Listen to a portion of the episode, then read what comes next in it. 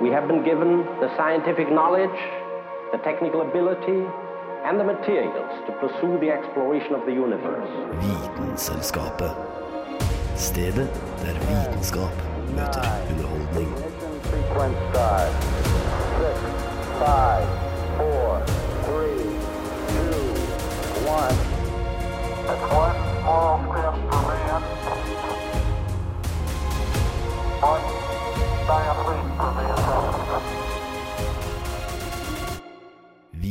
Vitenselskapet. På Radio Nova. Hei og velkommen til en ny sending av Vitenselskapet. I dag skal vi snakke om lys, som så passer seg ganske godt, egentlig, med tanke på at høstmørket faller sakte, men sikkert over oss. Med meg i studio i dag har jeg Sara Hallo. og Elin. Hallo. Og jeg er Kristoffer Ramage, og du hører på Vitenselskapet. Du hører på Vitenselskapet. Tirsdager klokken ti til halv 11 på Radio Nova.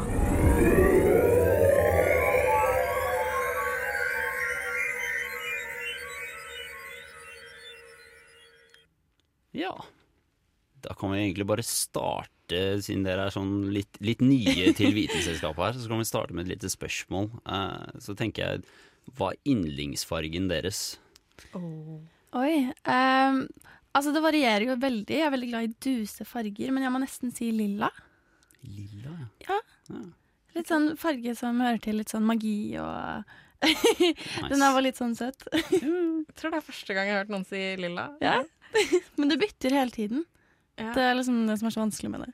Jeg tror jeg må si grønn. Det er bare noe med liksom naturen og at det er så vakkert. Det er veldig basic svar, da, men uh, definitivt ganske safe. Altså. Nei, men det funker, det. Ja, nei, for at, altså Har dere egentlig noen gang tenkt på hvorfor de tingene dere ser rundt dere, har farger? Hvor, hvor, er, hvor er det de kommer fra? Hvorfor har ting farge, basically? Tror det er en sånn ting jeg bare har akseptert. Sånn bortsett fra Jeg har kanskje jeg har jo tenkt på det når vi har snakket om det liksom i naturfagstimen, Ja, men utover det lite, kanskje. Nei, det er bare det at man ser farger, og så tenker man ikke så mye dypt over det. Jeg har ikke researcha det noen gang, på en måte. Nei, nei, for det, altså Hva om jeg sier at ting har e- Altså, farge ligger ikke i ting. Så ting har egentlig ikke farge i seg. Eh, det som skjer, er det at eh, Så altså, alle mulige ting som eksisterer, har eh, forskjellige egenskaper, ikke sant? Fordi de er bygget opp av forskjellige atomer, og de atomene har elektroner som sitter i litt sånn forskjellige konfigurasjoner. Og det er nettopp disse konfigurasjonene da, som bestemmer hvilken farge en altså et objekt har. Så fordi, altså, som dere sikkert eh, husker fra naturfagtimen, så består jo hvitt lys av syv forskjellige farger. Ikke sant? Egentlig så er det ikke syv, egentlig så er det fire. Men vi kaller det syv fordi rogbiff eh, høres Ja. eh, jeg vet ikke, kult ut. Og det som da skjer da med ting, eh, er det at de absorberer eh, alle de forskjellige bølgelengdene i det synlige lyset, bortsett fra den ene fargen som den tingen såkalt er. da. Så hvis du har en rød ball for eksempel, så absorberer den alle de andre bølgelengdene av lys, bortsett fra akkurat den spesifikke bølgelengden med rødt lys, som den ballen på en måte har, da, eller altså den fargen den har. Så for eksempel Dere har jo sikkert eh, Dere har kanskje ikke vært i et teleskop, men dere har i hvert fall sett eh, det. De svære, liksom. Ja. Og for at disse forskerne ikke skal få nattblindhet, ikke sant, um, så, så må de ha sånn rødt lys inni de teleskopene, sånn at uh, de på en måte ikke mister nattsynet sitt. Da. Og hvis du da putter en colaboks, tar med deg en colaboks inn der, liksom, hvis du skal se på stjernene, uh, den er jo rød, men så er skriften hvit. Ikke sant? Og hvitt lys, det reflekterer alt. Alle mulige bølgelengder. Ikke sant? Så hvis du tar med deg den colaboksen inn der, så ser du plutselig ikke skriften lenger. Da er bare hele boksen rød. Åh. Ja, fordi det er kun rødt lys, røde bølgelengder i det lyset som lyser da, i det teleskopet, liksom. Så Ah. det er ganske fancy. faktisk. Ja, det var kult. Det har jeg Ja. ikke tenkt på. Men hva tror du skjer da hvis du gjør det motsatte? Hvis du tar eh, la oss si en rød ball, da, og så putter du den inn i et rom hvor det ikke er noe røde bølgelengder i lyset i det hele tatt.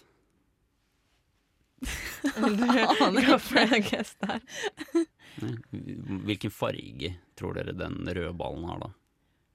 Hvis det ikke er noen røde bølgelengder. Mm, Altså at den ikke har farge, da.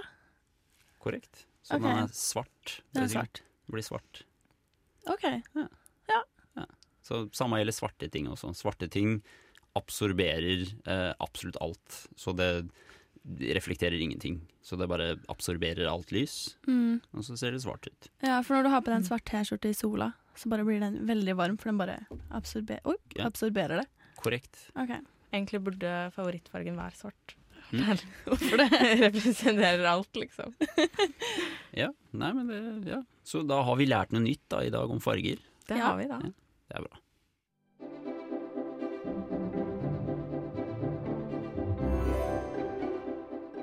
Ja, du hører helt riktig. Du hører på Vitenselskapet på Radio Nova.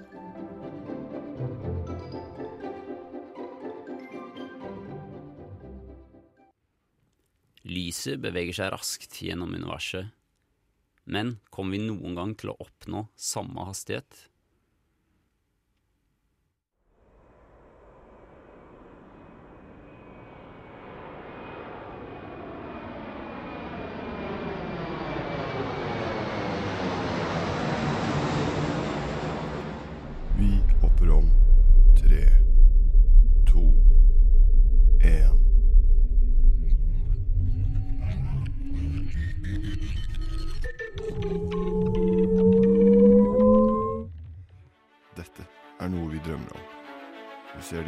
I sci-fi-serier, videospill og filmer.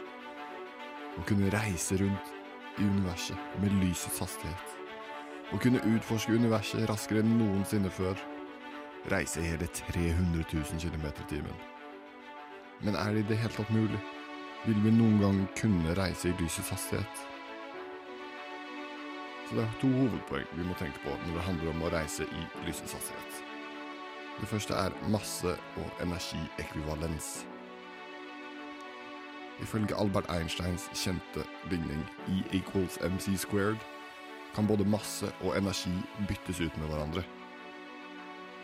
Når et objekt med masse begynner å akselerere, øker også den kinetiske energien. Desto høyere akselerering, desto mer bevegelse, altså kinetisk energi. Når dette objektet begynner å nærme seg lysets hastighet, stiger energikravene dramatisk. Tenk på det som dette. Ved lysets hastighet vil objektets masse bli uendelig stor. Og for å fortsette akselerasjonen vil det kreve en helt enorm mengde med energi. Det er som du prøver å løpe et eh, raskere løp, men jo raskere du løper, desto tyngre og tyngre og tyngre blir du. Det tar oss inn i punkt nummer to. Når vi nærmer oss lysets hastighet, blir vi uendelig tunge, og energikravene for å flytte oss blir uoverkommelige. Jo nærmere du kommer lysets hastighet, desto mer energi trenger vi for å bevege oss. Det blir som å prøve å løpe mot en mållinje som flytter seg stadig lenger unna deg. For å kunne bevege oss i lysets hastighet trenger vi altså uendelig med energi. Det er viktig å merke seg at teorien om dette har blitt grundig testa og bekreftet gjennom eksperimenter, og det har konsekvent vist at det er ingenting med masse som kan, eller har mulighet til å overstige lysets hastighet. Lys i seg selv er jo fotoner, og de fotonene har ikke noe masse. Selv om vi kan reise med lysets hastighet, vil reisen rundt universet ta fortsatt veldig lang tid. Vår nærmeste galakse, Andromeda, ligger ca. 2,5 millioner lysår bort fra oss. Det betyr at selv om i lysets hastighet vil det her ta oss nesten 2,5 millioner år for å komme oss dit. Det sier litt om utfordringene menneskeligheten står overfor hva gjelder romreise. Men det er viktig å ikke gi opp uansett. Forskere fortsetter å utforske mulighetene for romreise. Det kan være gjennom andre midler, som romfartøy drevet av konvensjonelle rakettmotorer. eller ionedrev, eller andre teoretiske konsepter. Hvor kult hadde det ikke vært om vi en gang hadde klart å reise rundt?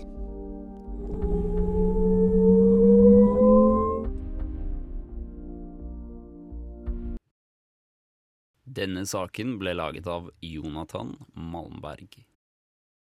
Å vite vet Vitenselskapet. Ja.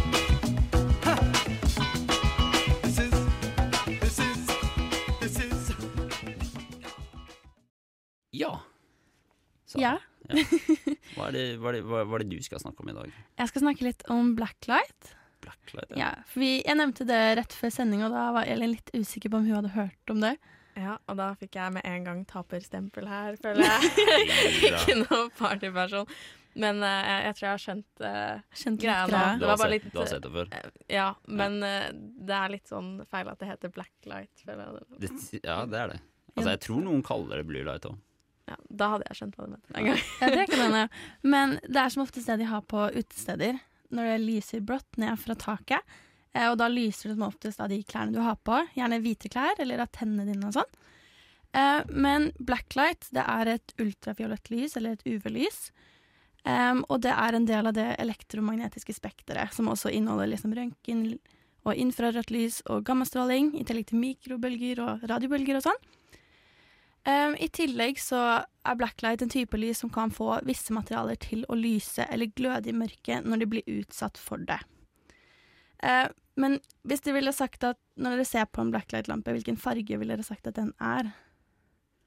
Mm, jeg ville jo sagt at den er fiolett. Ja. For at Sånn det, typ blå-lilla-aktig, liksom. Mm. For at blacklight er ikke egentlig en farge i seg selv. Det er liksom bare et kallenavn for det. Eh, og så den kan jo ikke lyse svart akkurat heller. Eh, men grunnen til at blacklight er blått, er fordi det sender ut eh, Når du ser noe lyse blått under et blacklight, så betyr det som oftest at materialet reflekterer eller sender ut blått lys. Mm. Em, og sist når jeg var på et sted hvor det var blacklight, så hadde jeg på meg rosa negler, og da reflekterte de ut knæsj rosa farge. Det er gøy. Så de lyste ut veldig rosa. Men jeg hadde på en hvit T-skjorte, og den lyste jo blått. Mm. Så det handler litt om hvilken farge materialet som reflekterer lyset er, eller hvilken farge som Ja, ja, altså, materialet det er. litt, litt sånn som jeg snakka om i stad, at det liksom ja. Mm. Men eh, blacklight gir oss en følelse av at ting lyser opp i mørket, fordi det kan få materialer til å fluoresere, Mm. som det heter. Jeg håper jeg sa det riktig. Um, som kort fortalt egentlig bare gjør at ting begynner å lyse. Um, og jeg spurte ChatGPT som- om det kunne forklare meg om fluorescens for dumminger. Og så sto det at uh, fluorescens er lys som får ting til å lyse. Og det skjer av elektronene i materialet blir glade. Eh, men elektronene blir sprø av å være glade i lang tid. Det er den koseligste forklaringen jeg har hørt noen gang. Så det står at derfor sender, ut, sender de ut den ekstra energien som lys. Mm. Og resultatet er synlig lys. Ja. Ja. Um, men man kan også bruke blacklight til mange forskjellige ting utenom å se det på utesteder eller i sammenheng med underholdning. Man kan jo se det liksom i lasertag og liksom andre gøye ting som det, eller teater og sånn. Eh, men de kan også bruke blacklight i f.eks. kriminologi for å oppdage blod eller kroppsvæsker som ikke ville vært synlig ellers. Eller når de rengjør på hoteller, så kan de bruke blacklight for å se, se hvor det fortsatt er møkkete, på en måte. Tenk, tenk, om, tenk om noen hadde tatt en blacklight inn på, på rommet mitt. Jesus fucking Christ. Jeg føler det er noen ting du bare du vil ikke vite ja, engang. Nei, jeg tror, Liksom. ikke, jeg tror ikke det. Jeg tror vi holder oss unna det. Nei, så jeg så en sånn nyhetsreportasje en gang hvor de hadde med seg sånn blacklight på et hotell, og det var ikke, det var ikke så reint. Nei. Men til syvende og sist, hvor er det liksom hvilket Hvem sitt soverom hadde ikke lyst opp, i hvert fall lite grann? nei, det er nok ikke så mange som Da må de ikke ha vært på rommet sitt, liksom. Ja, det tror jeg. Ja. Helt nytt sengetøy og ja. Jeg ser for Mm. meg hotellrom og sånn. Jeg kan nok være ganske Mm. Ganske møkkete. ja, Ja, kroppsvæsker og sånn. Mm. diverse. Eh, men man kan også bruke blacklight til f.eks. validering av dokumenter, for det er visse dokumenter som har et sånn type stempel eller et merke som man kun kan se med blacklight. Eller i tillegg så kan man bruke blacklight innenfor arkeologi til å avdekke gamle skrifter og liksom gjenopprette gamle tegninger og sånn. Mm. Eh, men blacklight som sollys er et UV-lys, eh, så man må være forsiktig med hvor mye man utsetter seg selv for til lyset. Eh, men de fleste sammenhengene som blacklight blir brukt i som underholdning, er ikke så farlig. Så det er ikke noe du må tenke på på den måten. Det er mer hvis du bruker det i jobb. Så du trenger ikke å smøre deg med solkrem når du gå på klubb? Nei, det skal gå fint. det er godt å høre. Ja. Vitenselskapet. Vitenselskapet på Radio Nova.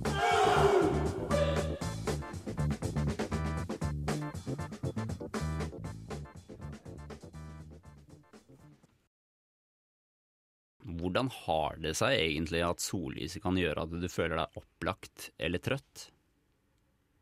Vi lever i en virkelighet hvor lyset og mørket er rundt oss hele tiden. Når solen stiger over horisonten, føler vi varmen og gleden som sprer seg gjennom oss. Her starter vår biologiske klokke å tikke. Vår biologiske klokke er et system av nerver som kalles klokkegener. Og disse forteller resten av kroppen hva klokka er, og hvilke hormoner som skal produseres eller reduseres. Dette skjer inni kroppen, men beskjedene kommer fra eksterne stimuli, som f.eks. temperatur, mat, trening, men hele 90% av disse beskjedene kommer faktisk fra lys. Forfedrene våre var avhengig av dette sollyset, fordi det utløste kortisol og dopamin, slik at de kunne føle seg våkne og på vakt. Når solen gikk ned, ville nattens mørke sende beskjed til kroppen om å senke kortisolsnivået for å stresse ned, og utløse melatonin som hjelper oss med å sove. Melatonin kan bare produseres hvis det er mørkt. Men selv om forfedrene våre ofte var rundt et bål om kvelden, ville disse lysfotonene inneholde rødt og gult lys som ikke påvirket melatoninen. Melatonin er viktig for å få dypere søvn, slik at kroppen kan reparere skadene fra dagen tidligere. La oss nå reise lysets hastighet 100 år tilbake i tid, når det første lyset ble laget. Dette lyset hadde de røde, oransje og gule tonene og påvirket ikke søvnen vår like mye. Men på starten av 90-tallet ble det bestemt at disse lysene brukte for mye energi, og isteden fant vi opp LED-lys. I denne redesigningen ble lysene lysere, og fargen i regnbuen forsvant. Lysene som var igjen, var blått, grønt og litt gult, som sammen blir hvitt. Denne innovasjonen skapte et miljø hvor mørket ble erstattet med tusenvis av små, kunstige soler overalt rundt oss. Det er som om vi lever midt på dagen konstant. Blålys har høy energi og skader cellene i øynene og huden vår. Men naturen har alltid en motgift. Rødlys. Dette røde lyset har samme intensitet som det blå lyset, men med litt andre egenskaper. Rødlys har en gjenopprettende effekt og kan reparere de skadene vi får gjennom dagen fra blålys. Dersom du ikke får riktig lys, eller lys på feil tid av døgnet, så kan du risikere å forstyrre eller sette klokkesystemet ditt i ubalanse. Men blålys burde ikke få et dårlig rykte. Blålys har jo en viktig hensikt, på lik linje med alle de andre fargene i regnbuen. Men blålys er ikke bra i isolasjon, og burde derfor balanseres og filtreres. Så hvordan kan du forbedre din lyshygiene? La oss først finne litt eh, lys på hjelpemidlene som er gratis. En tommelfingerregel her er hva ville forfedrene dine ha gjort? Først og fremst så lar du huden din og øynene dine få sollys på dagen og ettermiddagen, fremfor mobillys. Videre så kan du justere lysfarge på din enhet gjennom innstillinger. og Det betyr altså ikke å dimme lyset, men flytte fargetemperaturen til varmere. Og så kan du gjerne sette et rødt lys ved siden av det blå lyset, for å balansere og jevne ut effekten av blålys. Eller du kan få flere røde lys, eller mood light som de også kalles, rundt i huset. Det å sitte ved et vindu er fint, men du burde åpne det slik at lyset fra solen ikke filtreres. Og så finnes det også noen briller på markedet som blokkerer blålys fra mobil og andre skjermer. Men det er ikke alle som filtrerer blålys like bra. Så da håper jeg at det gikk opp en lyspære for flere, og at dere justerer og balanserer inntaket av blålys i fremtiden.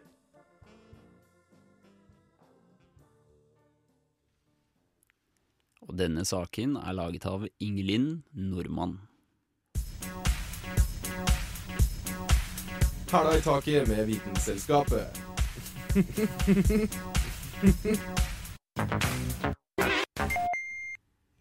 Før vi kommer oss til hva eksakt det er som gjør himmelen blå, så tenker jeg det kan være greit med en liten oppfriskning fra naturfagen om hva vår kjære atmosfære består av, og hva hvitt lys er. Atmosfæren vår består av rundt 78% nitrogen, rundt 20% oksygen, og resten er av diverse andre gasser. Mikset inn blant denne gassen finner vi partikler som pollen, støv, sand fra sandstormer, forurensning og smog. Og vår stjerne, da, bedre kjent som sola, produserer som vi kan se det, hvitt lys. Og hvitt lys består av syv farger. Rød, oransje, gul, grønn, blå, indigo og fiolett. Også kalt rogbiff. Og alle disse fargene har forskjellige bølgelengder og frekvenser. Bølgelengden bestemmes av avstanden mellom bølgetoppene. Så se for deg bølgene på havet. Hvis du måler distansen mellom toppene på bølgene, så finner du bølgelengden. Men frekvensen derimot, det er antall oscilleringer per sekund. Altså hvor mange ganger bølgen spretter opp og ned i løpet av ett sekund. Dette måler vi i hatch. Så hvis skjermen på TV-en din er 100 hatch, så betyr det at bildet på skjermen oppdaterer seg 100 ganger i sekundet. Så i forhold til synlig hvitt lys, så går vi fra rødt med lengst bølgelengde og lavest frekvens, og hele veien til fiolett, som har kortest bølgelengde og høyest frekvens. Og det er nettopp dette som var nøkkelen for å først og fremst forklare hva det er som gjør himmelen vår blå.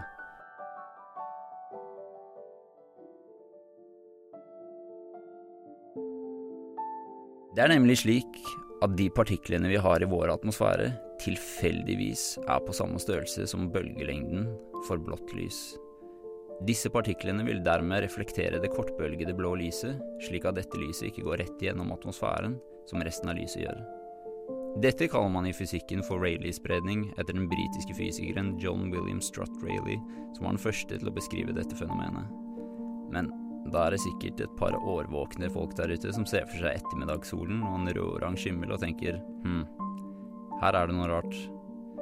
Og det enkle svaret på dette er at når solen er nær horisonten, vil lyset som slipper gjennom luften fra solen til oss, være dominert av mer langbølget lys. Og som jeg nevnte tidligere, så er fargen rød den mest langbølgede delen av synlig lys. Så solen, og dermed også himmelen, ser derfor rød ut, eller rød-oransje.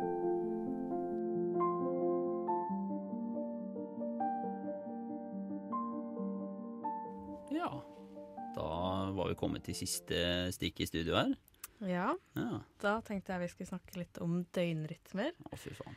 Som kanskje er litt eh, mangelvare. I hvert fall um, for en del studenter, føler jeg. Eh, ja. Jeg føler jeg faktisk har fått litt døgnrytme i det siste. Ja, da kan det Men være eh, det hjelper jo litt uh, med sollys også, da. Så når det blir mørkt nå, så tror jeg at jeg kommer til å slite en del mer.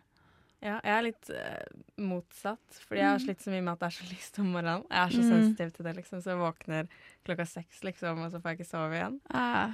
Um, jeg vet ikke om dere er så kjent med liksom hvordan det her fungerer med liksom melatonin og Nei. sånn i kroppen. Nei. Gjerne forklar. Um, fordi basically så har jo alle kroppens celler en slags indre klokke, på en måte. Um, og vi har jo De fleste av oss har jo en døgnrytme på sånn ca. 24 timer, selv om det kan være variasjoner der. Litt over. Um, og det har jo mye med, uh, som sagt, melatonin å gjøre, så det er det som har med lyset, fordi når det treffer uh, netthinnen, så vil det på en måte registreres, og så da vil melatoninproduksjonen um, Den hemmes da av lys, ikke sant, sånn at dette er søvnhormon, så derfor når det er Mhm. lyst om dagen, så holder vi oss våkne, ikke sant? så blir vi mer trøtte om kvelden. Så, Ja. Så man må på en måte vaske ut melatonin på morgenen? Jeg hørte noen si det en gang. det var noen som sa det en gang.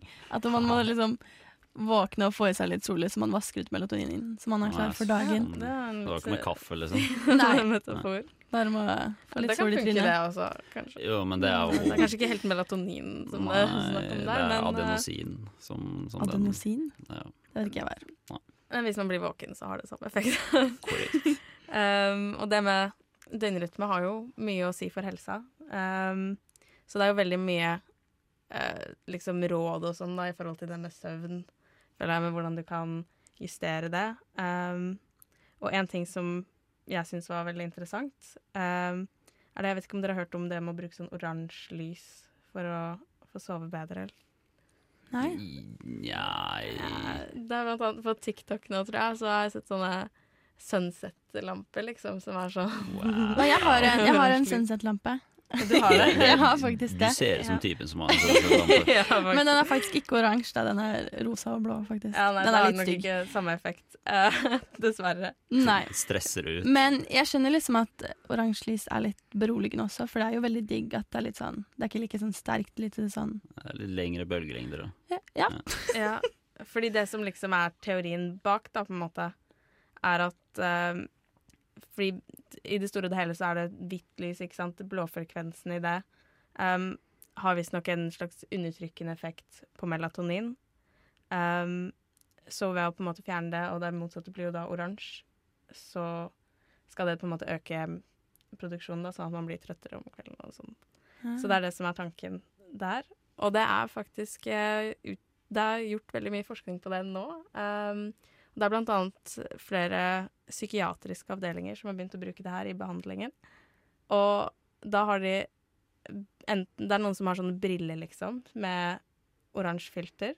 Så I tillegg så har de sånn oransje filter på alle vinduene, liksom, og de må liksom virkelig blokkere ut alt av hvitt lys. Og tydeligvis da så gjør det at folk eh, som Altså fordi for mange folk med psykiske lidelser sliter jo også med søvn. Så Mm. det har tydeligvis forbedret liksom søvnkvaliteten der. De driver og forsker på det i forhold til alt fra liksom demens og bipolar lidelse. De Mm. mener liksom at i forhold til det, da, så er det at tanken er at når man har en manisk episode, Mm. så kan man bli beroliget da, på en måte av det oransje lyset. Så neste gang en kar går amok på trikken med en kniv eller et eller annet, så bare Ta på noe eh, oransje lys. Ja, Ja. rett og slett. Og bare håp på det beste. Hvordan skal du få med deg oransje lys på Faen, Du, du har sånn på, tel du sånn på telefonen du kan lage sånn disko Ja, og diskolys. Ta med sånn filter bakpå flashlighten på mobilen? Ja. Det som jeg så vidt nevnte, da, var jo sånne oransje briller som de selger faktisk liksom hos noen sånne optikere og litt sånn på nett og sånn. Det er litt viktig at det faktisk er medisinsk godkjent, da. Um, fordi det er også mye som ikke har helt Det må være sånn totalt blokkerende. Det må blokkere alle Mm. um, de blå frekvensene, liksom, så det holder ikke at det Det er bare ikke noen sånn små raske briller, liksom. De må liksom dekke Nei, det, tett. det må være skikkelig, liksom. Um, men eh, det er sånn som du kan bruke, liksom Hvis du bruker dem de siste to-tre timene før du legger deg, så skal det visstnok gjøre at du sovner lettere. Men så er det litt dumt, da, fordi så fort du tar dem av og får litt hvitt lys, så er effekten borte. Oh. Så du må liksom Du må ligge i senga, på en Du må måte. ta de av når det er mørkt. Nemlig. Så hvis du skal opp på do på natta, liksom, og sånn også, så da er det på igjen med brillene, liksom. Men uh, som sagt, det skal være effektivt. Ik jeg har ikke prøvd, så jeg vet ikke. Nei, men da er det Da har jeg et godt råd til alle der ute. Prøv oransje briller og se om det funker.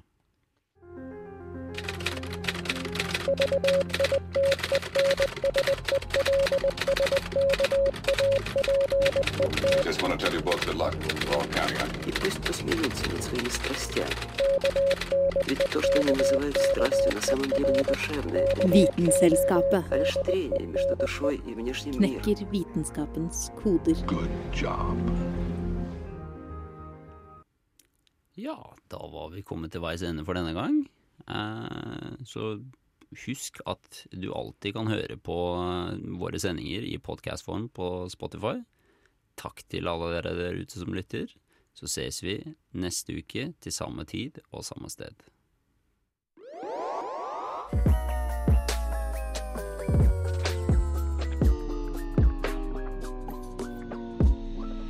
Vitenselskapet